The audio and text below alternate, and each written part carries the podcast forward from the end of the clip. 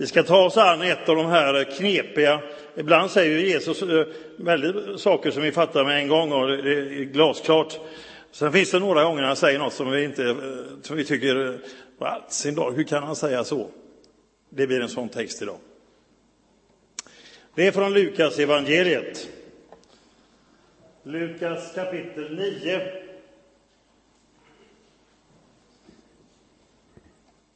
Efterföljelse är mitt tema.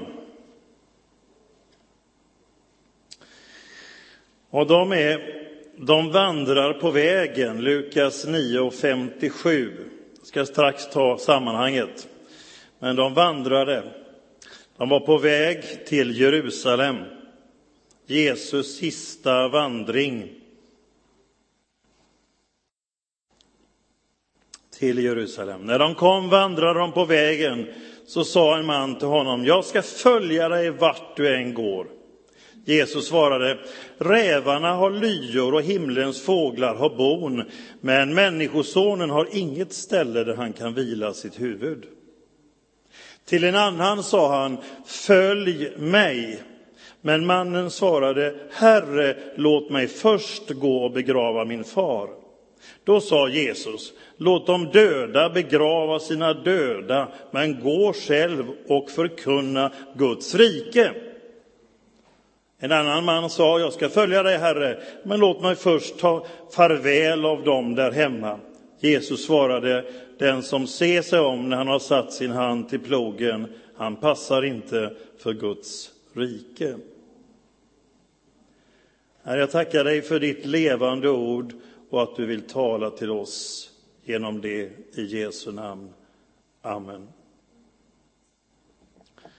Det kan ju låta lite bryskt det här vid första anblicken. Eh, sammanhanget är att Jesus har undervisat om lärjungaskapets innebörd lite tidigare i kapitlet. Om att försaka sig själv, att efterfölja Jesus, att bära sitt kors. Mycket tagen av vad du delade, Marianne. Eh, och jag läste en gång i tiden av den japanske teologen eh, Kagawa. Eh, och jag fick skriva, när vi läste i England teologi, så fick jag skriva en essä, kan man säga, en uppsats av, utifrån hans bok The Cross Without a Handle. Där han pekar på att vi i västerlandet är så rädda för att lida för vår tro. Medan det som Jesus verkligen säger är, förvåna er inte om ni får göra det, för har de gjort så med er mästare, vad kan de göra åt er? Men frukta inte, var inte rädda, jag är med er. Vad menade han med the cross without the handle? Jo, i asiatisk teologi så så finns lidandet med som en naturlig del. Men han tycker att västerlandets teologi, där ville vi ha den korset bekvämt med en litet handtag på så det gick lite lätt och ledigt. Så tyckte han att vi uppfattade kristendomen. Men den är korsmärkt. Och så är de på härlighetens berg. Och de har så trevligt, de tre lärjungarna uppe, så de tycker här kan vi väl stanna för alltid. Mose och Lia kom ju på besök. Det var inga dåliga grejer. Tänk när vi haft gökota här uppe på, nu vi hade nu senast, om Mose och Lia kom. Då hade vi sagt att käre någon, här slår vi läger, här bor vi. Ja, säger Jesus, det är härligt, ni får uppleva Guds härlighet, men vi har ett uppdrag som väntar. Ska vi göra några hyddor här, säger Petrus. Nej, det blir inga hyddor. Vi går ner till folket. Det är därför jag är här.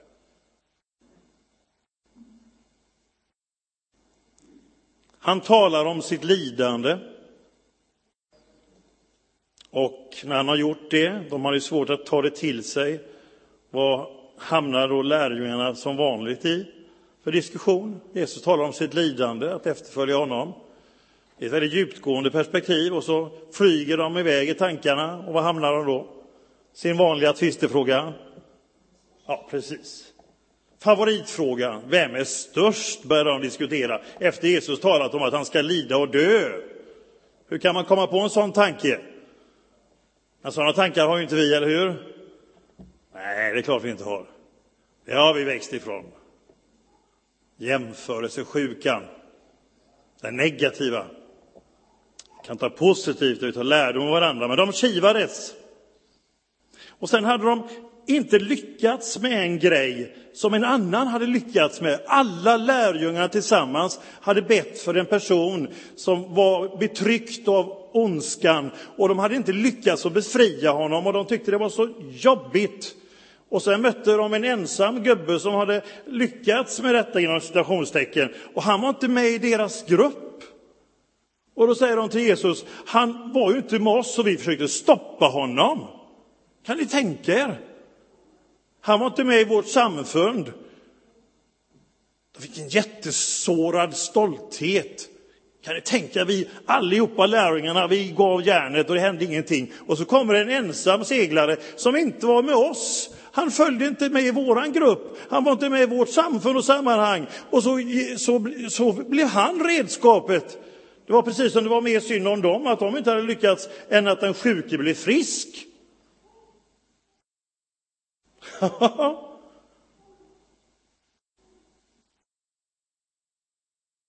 Han var inte med oss, oss och dem. När Jesus sa, den som inte är emot er, han är för er. Det var öppen famn. Var glad över det som Gud gör, det Jesus gör i alla sammanhang. Är det Jesus som gör det, så välkomna det med öppen famn. Sen spelar det ingen roll vad det står för etikett. Men är det Jesus? Så var de på väg, pilgrimerna, och man ska gå genom Samarien. Ni vet, man gjorde ju inte det. Alltså, Israel blev uppdelat i norra och södra riket och 722 f.Kr. intogs, eh, invaderades Israel, det norra riket och assyrierna och det blev en blandbefolkning. De flyttade dit folk och precis som ryssarna flyttade folk till, eh, till eh, baltiska staterna. Alltså det blev en förflyttning, man förflyttade människor i krigsstrategin och det blev samarierna. Och eh, de hade sin annorlunda religiösa tradition. Man bad vid berget Gerizim, var de kristna i Jerusalem. Och de gillade inte varandra. Så enkelt kan man säga. Det var ömsesidigt ogillande. Men ni vet att den första person som Jesus avslöjar för att han är Messias, konkret, mer än för sina lärjungar någonsin innan dess, var för en samarisk kvinna. Men det är en annan berättelse i Johannes 4 som jag inte går in på nu. Och där blev han välkomnad. Men här sänder han bud, för man tog omvägen för att slippa komma in till samarierna. Och det kunde vara farligt, för pilgrimer kunde bli dödade av samarierna. Så det var ingen lekstuga, utan tog du den vägen så kände de att de människorna gick förbi vårt heliga tempel och det kunde man inte smälta. Så då kunde man lika gärna döda dem. Så så var det. Men Jesus tog inga sådana hänsyn. Han hade inga fördomar. Han skickar in lärjungarna förberedda för att han ska komma. Men de sa nej i den samariska byn. Det var en annan när han var i Sykar, där var de hur glada som helst och hela stan blev förvandlad. Men just här sa de nej. Då tappar Johannes och eh, Jakob är det väl? Ja, jag tror det. Det är väl de som är bröder, så jag säger rätt nu. Ni får rätta mig annars. De som kallas för tordumsmännen, är det inte så? Det står inte, men jag tror att det, det, jag tror det var Johannes och Jakob som kallades. Johannes i alla fall var det, en av Johanneserna. Och eh, de kallades för tondönsmännen, för de hade så hett temperament. Och eh, de tog sig så illa vid att de blev bortvisade. De kände sig kränkta och Jesu vägnar. För de hade sån stort förtroende och tillit och älskade Jesus och så skulle inte han bli, bli liksom mottagen där. Vad har de för idé då, de här fromma lärjungarna? Vad säger de? Kommer ni ihåg vilken from tanke de hade? Det är en husförhör i dem. Ska vi kalla ner eld över dem som Elia gjorde? Gör slut på hela bunten. Ha? De var i de trakterna där Elia och Elisa verkade. Och Elia hade från ett, ett speciellt tillfälle fått kalla ner eld från himlen för att eh, ja, se vem som verkligen var Gud. Och i ett annat sammanhang också. Så de påminde sig, tänkte kanske det. Elia åkte upp i eldsvagn och, och eh, eh det kanske, vi kanske ska göra som Elia gjorde. Det är lite överraskande, det står liksom inte proportion, de var inte välkomna dit och så säger de, ska vi bränna upp hela stället? ja. De hade sånt temperament. De hade nitälskan för Jesus och eh, de hade en överlåtelse och var alldeles övertygade om att om de sa så här i Jesu namn, fire, så skulle det bli det. Alltså, de hade en sån tilltro till Jesu kraft. Men, säger Jesus, min kraft är inte till för att förgöra, utan jag har kommit för att frälsa och rädda.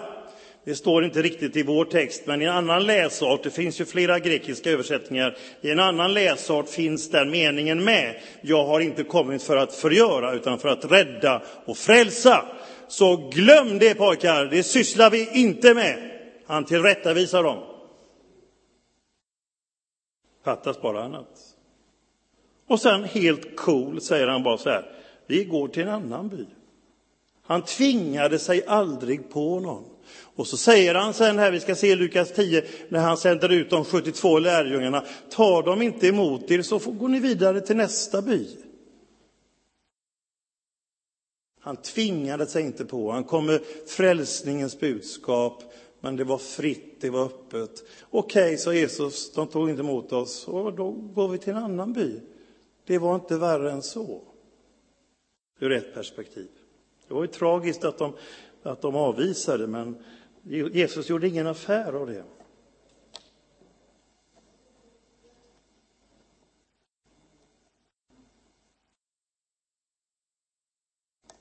Jesu natur var någonting helt annat. Och så möter han tre människor som har en god intention. De vill följa honom. Eh, men två har ursäkter och en har väl kanske lite övertro på sig själv, skulle jag vilja säga. Det är bra att ha gott självförtroende, så det är inte det jag säger, ett sunt självförtroende. Så kan vi formulera det. Där man ser sina styrkor och svagheter. Den här mannen, han säger, eh, utan egentligen kanske förstå, för det är det som är, poäng, som är poängen. Jag ska följa dig vart du går, säger han. Och det låter ju, låter ju väldigt eh, bra. Och Jesus vare sig säger något accepterande eller avslår eller så, utan han bara ger några fakta till den här personen och säger att rävarna har lyor, himlens fåglar har bon, men Människosonen har inget ställe där han kan vila sitt huvud. Vad menar han med det? Jo, han menar att det finns ingenting i denna världen som har någon hållhake på honom. Inkarnationen, Guds människoblivande, är kostsam. In the message så står det så här, det här blir ingen lustresa. Vi kommer inte att ta in på de bekvämligaste ställena. Så skriver The Message från den här versen. Jättebra formulerat. Det blir ingen lustresa, ingen lusttur, ingen lyxkryssning. Vi kommer ha jätteroligt, för det tror jag lärjungarna hade, vilka historier de hade på kvällarna att berätta. Kolla så många meter Petrus gick på havet och vilken min han hade när han sjönk och, och, och, och alla brödundren och det, den som blev sjuk som blev hela där och vilka berättelser. Jag tror de hade stormroligt. Det fanns allvar och smärta och sorg och Jesus sörjde Lazarus allsammans. Men vilka berättelser! För Johannes avslutar ju sitt evangelium och säger så här otroligt att om allt det som Jesus gjorde och, eh, och talade om, allt det skulle skrivas ner, så tror jag inte att hela världen rymmer de böckerna. Ja. det är fantastiskt. Så avslutar Johannes sitt evangelium. Tänk vilka år de hade. Men, sa Jesus, det blir ingen lustresa. Jag leder er på rätta vägar, men det är inte alltid lätta vägar. Men det är sanna vägar, Och det jag inte hjälper er ifrån, det hjälper jag er igenom. Jag är med er. Till en annan säger han, följ mig. Men han säger, Herre låt mig först gå och begrava min far. Och det låter väl helt legitimt. Så säger Jesus, låt de döda begrava de döda. Vad i all sin dag? Mm? Har ni funderat på den texten någon gång? Vad i all sin dag? Det var ju så här alltså att begravningsceremonin skulle ju ske snabbt, man hade något dygn på sig, och den stod över alla andra saker. Läsandet av lagen som var viktig, offerlammet vid påsken, reningsceremonier, you name it. Men oavsett alla de viktiga sakerna så var begravningsrätten och skyldigheten överordnad. Och så säger Jesus att rikets angelägenhet är viktigare än till och med de viktigaste göromålen som vi har som människa. Och nu är det så här att det här låter lite brutalt, men hade hans far varit död, då hade han inte varit där. Så är det. För då hade han varit hos sin far och begravt honom. Utan det han egentligen säger, låt mig få vänta tills min far har dött. Och det kan ju dröja hur länge som helst. Och då säger Jesus, du har fått en vision. Han är en Jesu lärjunge. Det står det om Matteus, han var en av lärjungarna. Du har fått en vision, du vet vad Guds rike är, vi sysslar med livet. De som ännu inte har upptäckt livet, de kan begrava de döda. Men du som har fått smak på livet, sätt igång och förkunna Guds rike. Tveka inte, go for it.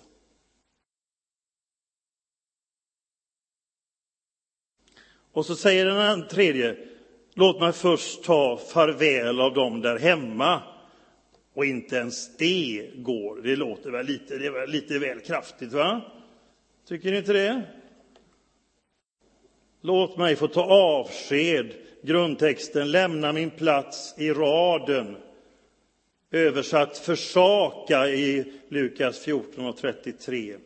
För återanspelningen igen, när Lisa skulle följa Elia så säger Elisa, låt mig få till Elia, låt mig få gå hem och säga farväl, det är okej, okay, men skynda dig sen.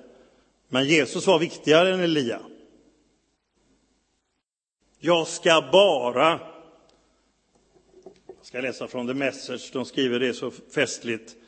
Jag ska bara jag vill gärna följa dig, mästare. Först ska jag bara ordna upp ett par saker där hemma. Jag läste barnboken om, eh, om Alfons Åberg, Jag ska bara. Kommer ni ihåg den? Ja. Han säger det hela tiden till sin pappa och, och pappan blir så trött på det och sen när pojken vill att pappan ska göra något, då säger pappan jag ska bara. Ja. jag ska bara. Då säger Jesus, inga jag ska bara. Ingen tvekan, man skjuter inte upp Guds rike till morgondagen. Det är det som är poängen. Han ville lämna sin plats i raden, det var inte liksom där bara farväl i allmänhet. Utan kom igen nu. Låt inget hålla dig tillbaka. Inget jag ska vara.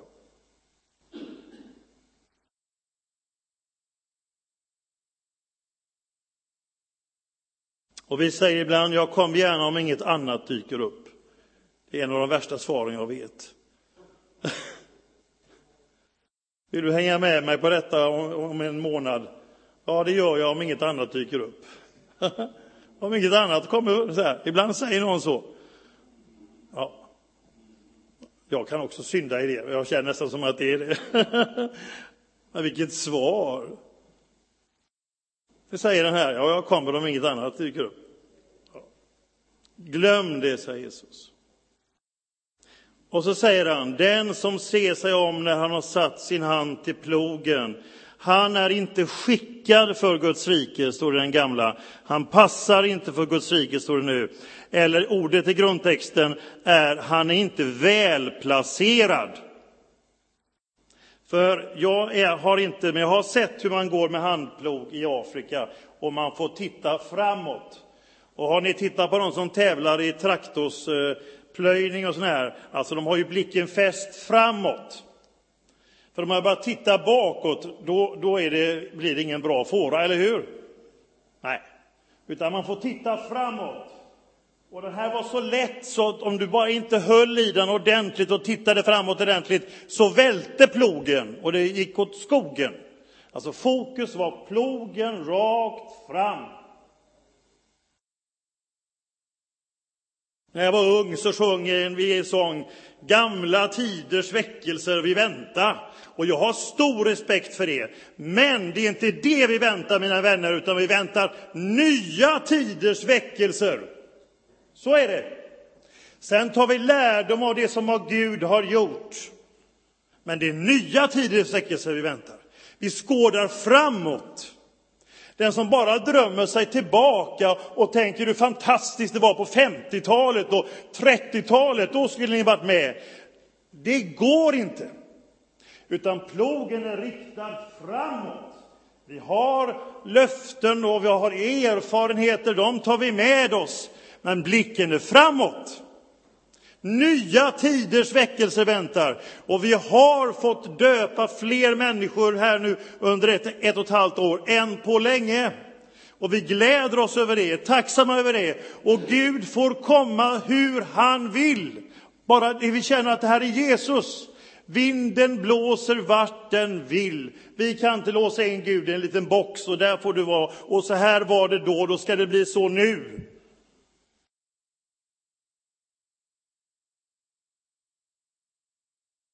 Vad var det Mose gjorde för galet i Gamla testamentet som fick ödesdigra konsekvenser? Han skulle slå på klippan en gång för att få vatten. Och sen så trodde han att det var så han skulle göra nästa gång, men Gud hade gett ett annat uppdrag och han slog ändå. Nej, sa Gud, det var inte så. Och om det var Mose eller om det var David, jag kan blanda ihop det, men nästa gång, jag tror det var David som fick så var det. David fick ett eh, kallelse hur han skulle agera. Och så frågade David, ska vi göra samma sak igen? Nej, säger Gud. Utan om när du hör fotsteg i bakaträdens toppar, ja, då ska ni sätta igång insatsen. Jag menar, vem hör fotsteg i trädens toppar? Men det är därför att ingenting ska vara rutinmässigt. Vi kan inte bara trycka på väckelseknappen och tro nu blir det precis så här. Pang bom. Det blir inte så. Utan vi får be Gud och Gud får leda oss. Men vi har fokus på Jesus, plogen och fåran.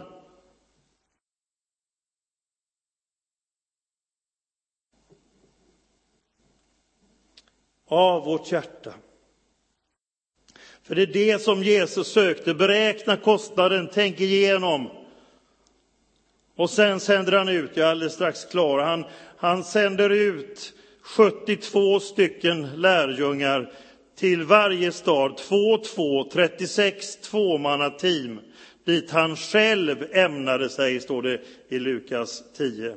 Dit han själv hade tänkt sig, dit sände han dem. De skulle inte göra det här själva, utan det var tillsammans med Jesus och tillsammans som ett team. Det är skillnad på att vara sportfiskare och nätfiskare. Sportfiskare är jag och vi, och vi står och kastar och vinner. De var ute och fiskade, grabbarna hemma här i, helgen och en fick napp i första kastet, fick de en gädda. Det var ju toppen direkt. Och sen höll de på i tre timmar, det kom ingen alls. Men då hade det ju trevligt och skönt ut ändå. Men det blir en och annan. Men nätfisket är ett lagarbete. Det är vad han kallar Jesus oss till. Nätfiskare, inte sportfiskare som står på fritiden. För det är inget fritidsnöje vi sysslar med som vi ska klämma in i allt. Jag vet att livspusslerna är svåra att få att gå ihop. Och Gud är nådig och barmhärtig. Men det är en frihetsrörelse, mina vänner, som vi följer. Inget fritidsnöje som ska få plats i almanackan där någon gång om inget annat kommer emellan. Och 72 är symbolen för alla folk i världen på den tiden. Om du läser i Första Mosebok 10, Noas släkttavla, så är det 72 namn. Det var folkens släkttavla, symboliserar att det var alla folk på jorden som skulle nås av evangeliet. Men de var inte ensamma, Jesus skulle komma dit och de var två och två. Det är skönt. Vi behöver inte göra allting själva. Om någon nu har tänkt det eh, så kan vi relaxa. Det är Guds församling. Gud vill använda oss tillsammans som nätfiskare. Och han säger till dig och mig, följ du mig så ska jag göra dig till människofiskare. Så blir det bara. Du kan relaxa. Följer du Jesus, ingen kramp. Ni vet när jag kom till tro 1976 och skulle ut och vinna hela världen. Jag kände det hängde allting på mig och några till.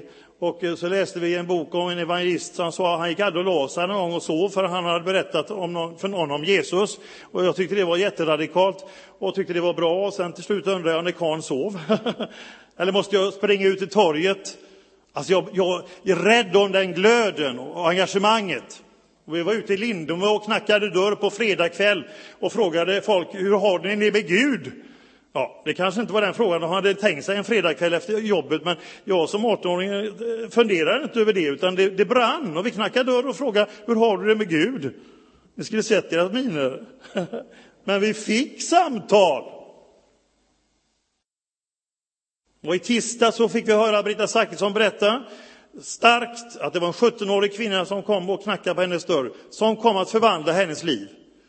För hon frågade, vill du veta något mer om Jesus? Ja, sa Britta. Hon blev så överraskad, den här 17-åriga tjejen, som kom av sig, för alla andra hade sagt nej. ja, men det finns många som är mycket närmare Guds rike än vi anar. Det är att vi bara frågar. Så, the message, kapitel 10, några verser. Vilken skörd som ska bärgas och så lite skördefolk. Glöm där inte, därför inte att be till skördens Gud om fler skördarbetare. Iväg med er nu, men var försiktiga, det är faktiskt farligt. Ni är som lamm mitt i vargflocken. Res med lätt packning, kam och tandborste, inga extra kollin. Stanna inte och småprata med alla ni träffar. Det kan ju låta lite sådär. Men det var nämligen så här att de österländska hälsningsceremonierna var enormt utdragna. Kunde hålla på i flera timmar och hälsa på någon. Och skulle man syssla med alla sådana saker, då kom man ju inte långt. Så det är det som är poängen. Det är inte vanliga att vi snackar lite grann och säger hej och du, och det är ju naturligt. Men hälsningsceremonierna var enormt långa och så säger Jesus, de har ni inte tid med. Inget sånt. Utan säg hej, hur har ni det? Och, och får vi komma hit? Och eh, när ni besöker någon ska ni hälsa och önska dem frid. Om de vill ha er frid så är det ett bra hus. Om de inte vill ha den så ta den med er och gå, tränger inte på. Frid var en vanlig hälsning på den tiden. Man hälsade varandra med frid. Men här innebar det att man förmedlade Guds frid och välsignelse, alltså någonting mycket större. Stanna där ni får och ta emot deras gästfrihet. Ni arbetar och gör skäl för maten. Flytta inte runt för att hitta ett bekvämare ställe. Nej.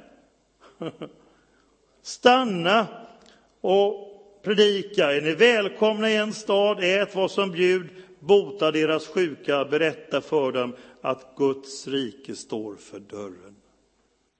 Och tar de inte emot er, så gå vidare till nästa stad. Amen.